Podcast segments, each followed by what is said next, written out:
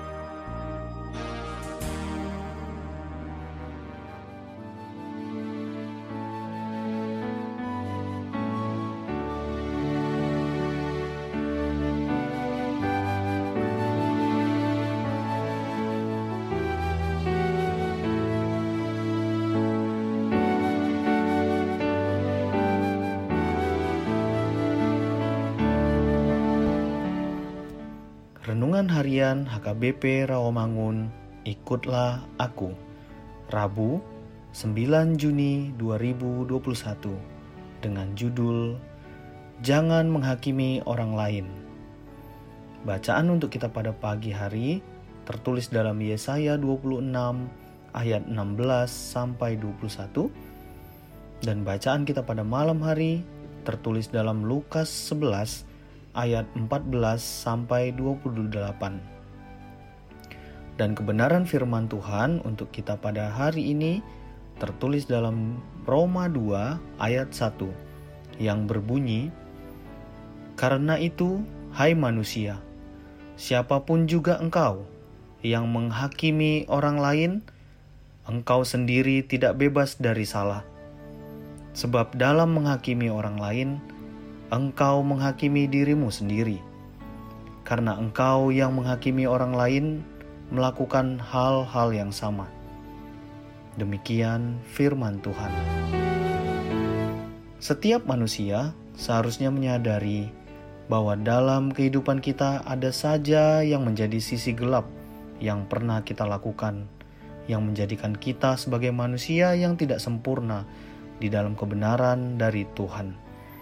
Dengan dasar pikiran seperti ini, maka cara pandang kita akan kesalahan yang dilakukan oleh orang lain tidak akan menjadikan kita sebagai hakim yang berhak untuk mengadili atau menghakimi.